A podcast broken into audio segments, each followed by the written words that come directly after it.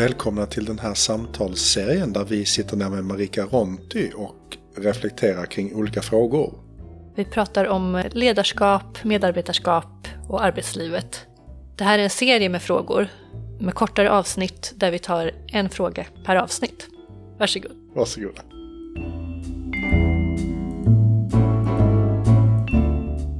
Då har vi en fråga som lyder så här. På mitt jobb gör vi en större transformation av organisationen och vi i ledningsgruppen pratar ofta om hur vi ska mäta om det är framgångsrikt eller inte. Jag har känslan av att man söker efter mätetal bara för att, men att det egentligen står tydligt, fastän ingen vill säga det högt, att det är omöjligt att mäta en så här stor förändring i siffror. Vad säger du, kan vi någonsin mäta kvantitativt om en transformation varit lyckad? Mm. Vilken fråga. ja eller nej? Ja, ja eller nej. Vad ska jag välja att säga? Jag väljer att säga nej. nej. jag väljer att säga nej. Eh, och, och, och, och så Vad tänker du? Ja, ja så, just det. Så, och så tänker jag så här. Jag tänker på när du säger mäta och du ställer den här frågan. Så, då bara känner jag inom mig så här. Åh, nu är vi där igen. Det ska mm. mätas. Och varför ska det mätas så mycket? Jo, därför att då kan vi ju säga att det här är ju objektivt sant. För vi har faktiskt satt en siffra på det här. Mm. Och det är där vi lurar oss så mycket. Så att vi har ju fått en sån övertro till att så fort vi kan mäta någonting på ett objektivt sätt så, så är det sant. Mm. Och det betyder inte att jag helt är emot att mäta. Vissa saker kan vara intressant att mäta för att mer kanske säga, ja men vi, vi går åt rätt håll. Mm. Och det är också, tänker jag, det, dels allmänt intressant att, att få veta det. Och sen tänker jag också att det är också bra för att ta hänsyn till de människor som älskar att mäta. Just det. För då, då, då tar jag hänsyn till dem, för vi är ju trots allt olika. Mm. Jag är ju en person som är fullständigt ointresserad utav det, men det jag tycker är oerhört viktigt är att först uttala varför mäter vi det här överhuvudtaget? Mm. Vad, vad, vad, känner, vad, vad, är syftet med att vi mäter? Då kanske någon säger, jo men vi vill veta om vi går åt rätt håll. Okej, okay, om det är det vi vill mäta, och då kan vi också göra det här. Mm. Så får, då vet vi att vi går. Och vad får det då för konsekvenser om vi vet att, det, att vi går åt rätt håll? Ger det mig mer energi? Blir jag mer eh, engagerad för att jag nu vet att vi går åt rätt håll? Det kanske jag blir. Mm. Men det kanske någon annan kanske är lika engagerad utan att ha, ha behövt se en siffra på det. Mm. Så jag tänker mer också, men vi är olika, men rent allmänt så skulle jag vilja säga, och det är ju, det är faktiskt en åsikt som jag har, det, behöver, det kan man ju ha hundra åsikter om. Min personliga åsikt är att vi mäter alldeles för mycket. Och min min tanke bakom det är, och vad jag tror att det beror på, det är också för att jag är så rädd för subjektiviteten. Därför vi har, vi har liksom skapat ett samhälle som är superrationellt och där den objektiva sanningen bara kan visas upp i mätetal. Mm. Och då tror vi att allting är rätt så fort vi sätter siffror på någonting. Ja, här fick vi 3,8 i den här undersökningen och ja. det är ju bra. Men hade vi sagt att så här, ja, Kalle tyckte att det var sådär och Stina kände sig lite nervös. Det, det, är liksom, det är inte samma sak riktigt. Nej, absolut inte. Men det, det jag tänker på när du säger 3,8, det, det, jag har hört så här, ja och nästa år då ska vi sträva efter att ha 4,6. Mm. Jaha, säger jag då, och hur ska det då gå till? Alltså det, så att det här med mätning. Det tror jag är en vanlig föreställning, att det ska alltid vara lite... Lite till ja. Utan, utan att man så här... Men varför det? Eller liksom är vi inte nöjda? Eller nej, vi ska aldrig vara nöjda. Ah, nu är jag inne på någon så här sidospår känner jag. Men det, mm. gud vad man säger så här, om fem år framåt. 3,8, sen 4,0, sen 4,2, mm. sen så här, okej, okay, det kan aldrig stanna liksom, för Nej. det kan bara Nej, och vet du, vet du då, då är man ju så fel ute tycker jag som man kan vara, för då tänker jag så här, ja men om vi ska uppehålla oss kring att hela tiden sträva efter till nästa pinne, för att då är vi ju inne i ett kvantitetstänkande. Mm. Men om vi ska tänka kvalitet, då kanske vi inte alls behöver mäta, utan då kanske vi ska uppehålla oss kring och prata om varför gör vi det här överhuvudtaget? Vad är syftet? Vad är det vi tror på? För vem? Då är vi ju inne på mer de nästan existentiella frågorna för företaget kan vi ju säga. Mm, mm. Och, och, och, och, vilka värden det är som vi vill ska leva och ge oss energi till att kunna skapa det vi är här för att skapa, för dem vi finns till för. Så att, så att jag menar om vi skulle lägga ner mer energi på att föra bra dialoger runt vad vi vill och varför, så behöver vi inte mäta någonting, för det kommer visas i bokslutet.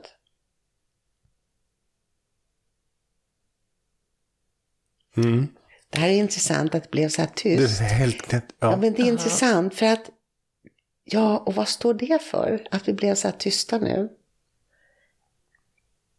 Jag bara fick den här känslan. Mm. När, när, du sa precis sådär, då tänkte jag men det, det är väl jättetydligt och bra.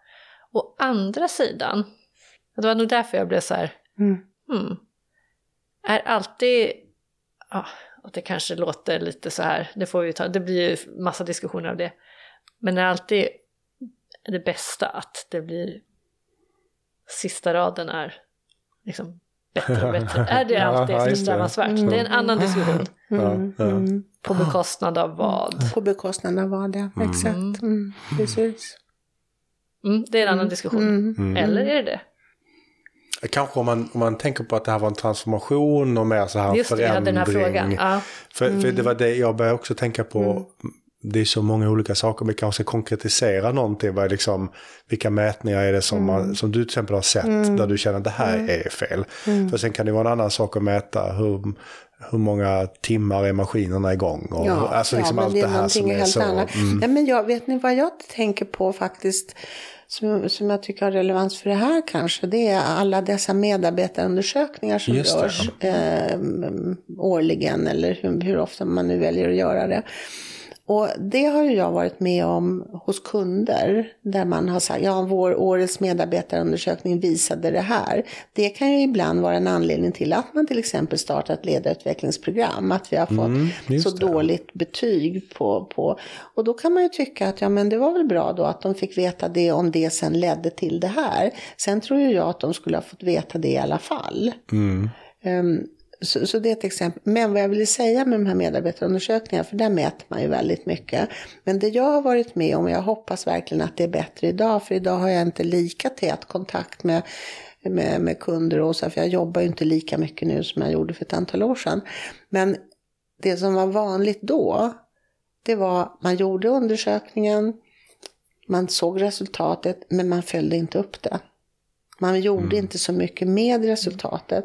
Så jag hörde ju då, och jag hoppas verkligen inte att det är så idag, så jag kan inte referera till annat än det som är min senaste upplevelse.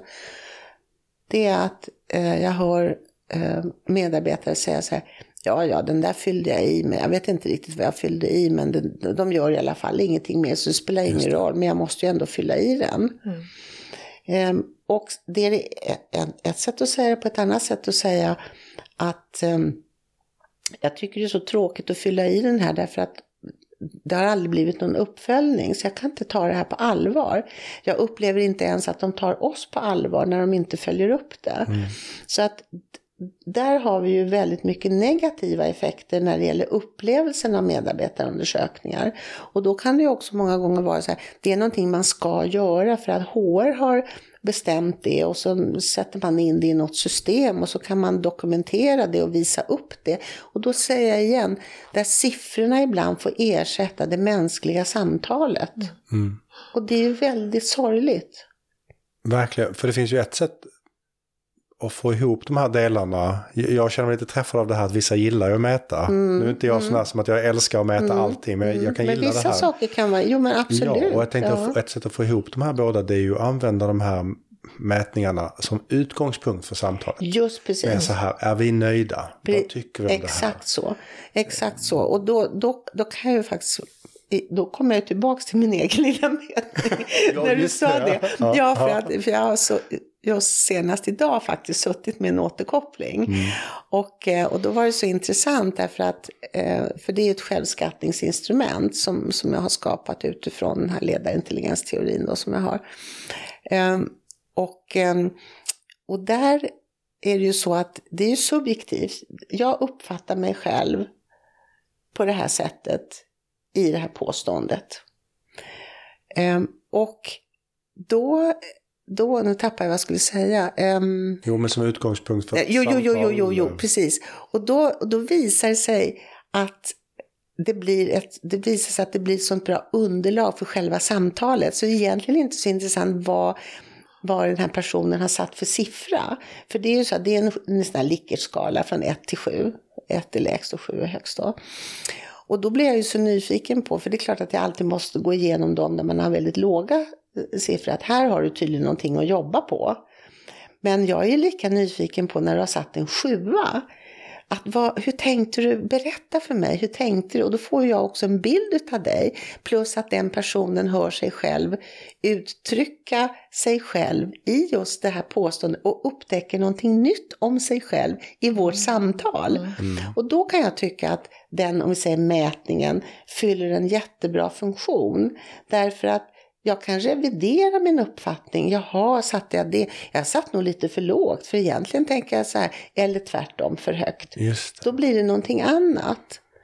Och då använder man det som ett hjälpmedel för en konstruktiv dialog. Mm. Mm. Och det är ju jättebra för jag kan känna också att just det här när man ska skatta saker då är det ju så himla olika.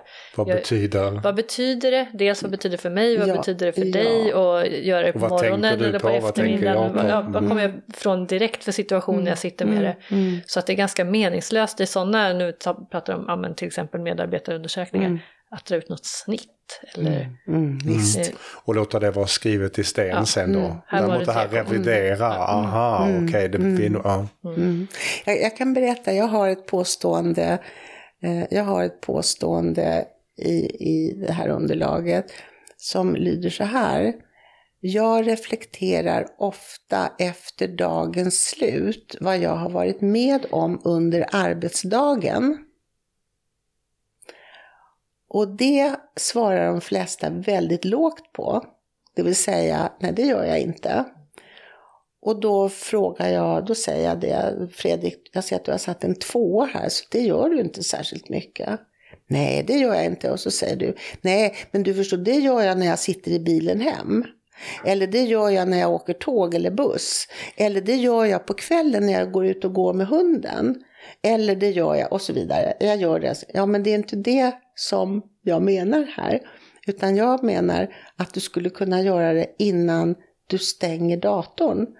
Eller när du har stängt datorn på eftermiddagen. Innan du går hem. Det finns en vits med det. Och i det samtalet som jag hade just idag, där kom det här upp nämligen. För den här personen hade en annan sofistikerat sätt att reflektera en gång i veckan i ett speciellt sammanhang. Då frågade jag honom, så skulle du kunna tänka dig att pröva någonting tills vi ses nästa gång? För att se vad det får för effekt om du reflekterar varje dag innan du går hem. För att du ska kunna gå hem och vara pappa och make, familjefar. Så. Och lämna jobbet bakom dig. Ja, vadå? Jo, då skulle du kunna göra så här. Du stänger datorn, arbetsdagen är slut. Du sluter dina ögon. Du tar några djupa andetag. Så att du verkligen känner att mm, här sitter jag och liksom landar ner i kroppen. Och så sitter du så en stund och andas. Och så spelar du upp filmen som gick på i morse. Du kom till jobbet.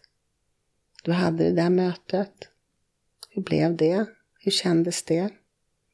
Vad hände? Och sen kom nästa möte. Vad sades? Vad hände? Hur kände du? Och så vidare. Och så går du igenom hela dagen. Hela filmen spelas upp. Tills att du sitter där du sitter just nu. Och så gör du den här slutreflektionen. Och hur känns det? Nu när jag har fått se den här filmen. Allt det här har jag varit med om idag. Allt det här har jag hört, allt det här har jag sagt, allt det här har jag känt. Jag kanske inte ens har känt efter. Och hur känns det när du upptäcker att du inte har gjort det? Det här vill jag att du gör varje dag. Om du gör det varje dag så kommer du att bidra till att din stressnivå kommer att sjunka. Garanterat. Och det kommer också bidra till att du kommer uppleva någonting helt annat i, i kvaliteten i ditt sätt att förhålla dig i ditt arbete. Är du beredd? Vill du pröva det här? Ja, det ska jag faktiskt göra. Jag ska faktiskt pröva det här. Lovar du det? Ja, det lovar jag. Och det ska ju bli spännande. Jättespännande. Ja, verkligen. Jag blir avslappnad av att sitta och lyssna på Vi satt och så lite hypnotiserade. Men det här är Gud, så roligt och det här gör jag med allihopa, alla. Därför det finns ingen, det finns ingen utav alla som har gjort mitt test som har en hög siffra där. Nej, nej. Utan alla säger, eh, nej det har jag inte tid med. Mm. Eller, det säger inte alla. Många säger, det har jag inte tid med. Många säger, ja men det gör jag när jag sitter i bilen. Så, att det alla säger, det är att de inte gör det efter arbetsdagens slut, det vill säga på jobbet. Och Det var det. Och där klart kunde jag kanske formulerat den lite tydligare kanske, inte vet jag. Och jag läste ett sånt, jag såg ett så himla bra inlägg på Instagram någonstans häromdagen. Och då var det så här. Eh, sätt dig ner och meditera varje dag 15 minuter. Om du inte hinner, då måste du sitta en timme. Mm. Mm. Och jag tyckte det var så himla bra. Om du inte hinner med en kvart, då måste du sitta en timme. Mm, mm, mm. Och där är det intressant det där med meditationen för att där är det ju så att om jag, alltså det är ju, man kan säga så här, meditationen ska ju helst leda till att du, att du kan komma in i ett tillstånd. Det tillståndet som du skapar i meditationsstunden när du har tränat det tillräckligt mycket så kan du sen kanske, du vet, vara i det tillståndet även under dagen. Men det kräver ändå att du gör någonting. Och till exempel en sån här sak nu, bara det här exemplet som jag gav. Den lilla stunden kan göra att jag kommer in i ett meditativt tillstånd, att jag tillåter mig det. Och det är som jag sa till den här mannen idag. Jag sa så här, det här kommer inte ta dig mer än fem minuter. Men min önskan är att du ger dig själv tio minuter. Att du gör det här varje dag i tio minuter. Och det är det här som också är intressant, apropå när du säger en kvart och en timme. Det är inte mängden, det är inte tidsmängden som gör att jag åh, blir mm, ännu mer vad jag nu vill bli om jag när jag mediterar. Utan det är ju igen kvaliteten i den stunden som jag sitter. Och kan jag göra det ofta, flera gånger om dagen till exempel, att jag tar en sån här mikromeditationspaus genom att bara sätta mig och, och andas och verkligen landa ner i kroppen. Att jag liksom känner att jag känner faktiskt golvet här med fötterna och jag känner att rumpan sitter stadigt i stolen och, och, och du vet, och så ta några djupa andetag, det gör väldigt mycket. Och sen kan jag bara sitta i tystnaden en liten stund. Och då kommer jag in i ett tillstånd som, har jag gjort det tillräckligt många gånger, då kan jag, då kan jag vara i det tillståndet även i det där mötet till exempel, som vi har pratat om tidigare, när det blir jobbigt. Då kan jag bara slå på det här, ta ett djupt andetag, så bara gör jag det. Mm. Stilla och tyst. Det tar några sekunder och då är jag redan mottaglig för det som sägs på ett annat sätt. Det är ett sätt att självreglera sig. Det är det vi kan göra. Vi kan reglera vårt nervsystem själva genom sådana enkla, enkla, enkla övningar. Just det. Ja, man kan ju föreställa sig hans hemresa efter den här övningen har en annan kvalitet. Oavsett hur, hur mycket han stannar kvar i det, det meditativa tillståndet. Alltså det har en annan kvalitet än om man skulle stänga datorn, resa sig och gå. Jag gjorde ju så för nyligen med en ledningsgrupp faktiskt. Vi, vi pratade lite om de här jag menar, det här med hur, hur, jag menar, hur kan jag lära känna mig själv bättre och hur kan jag gå in i mig själv och hur gör man då? Ni vet allt det här. Och så nämnde jag, för jag tänkte jag kan inte ta det här med meditation här, men jag nämnde lite försiktigt. Och bara för att se hur det landade. Och så såg jag på ansiktena att de, de lyssnade och var intresserade. Och det var tolv personer som satt där runt bordet med mig. Och så bara sa jag så här, vet ni, skulle ni vilja pröva? Nu? Och det är klart, det är ingen som säger nej, det vill vi inte. Utan då kom det så här, några sa ja och några sa ja, men det räckte ju för mig. Så ja, men då gör vi det. Och det är enkelt. Och då gjorde jag ungefär så här, bara så, väldigt lugnt och bara sluta ögonen och ta några djupa andetag. Och, ni vet, ungefär så här enkel guidning.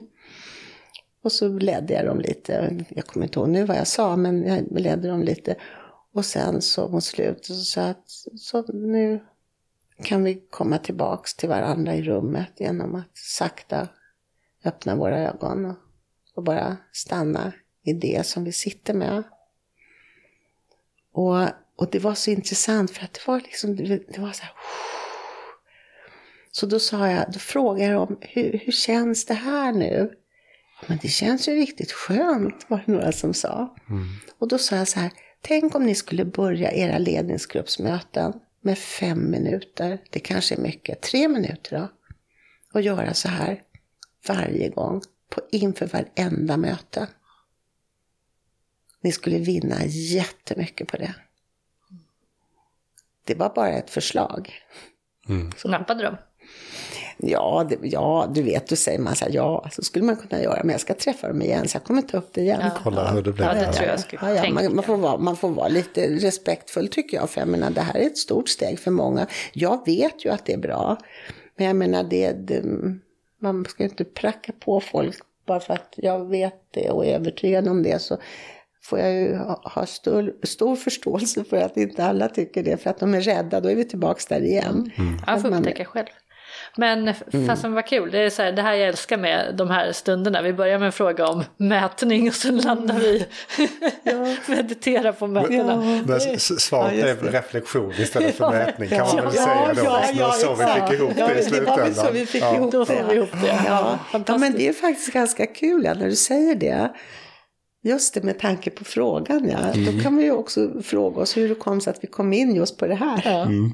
Ja. Reflektera. Ja. Mät inte, reflektera. Mät inte, reflektera. Mm. Mm, mät inte, reflektera. Just det, mät inte så mycket utan vissa saker kan vara intressant att mäta men då ska man vara också tydlig med att, att tala om varför man gör det och sen ska man också vara väldigt noga med att följa upp resultatet och ha en dialog utifrån. Så det, det, det är okej. Okay.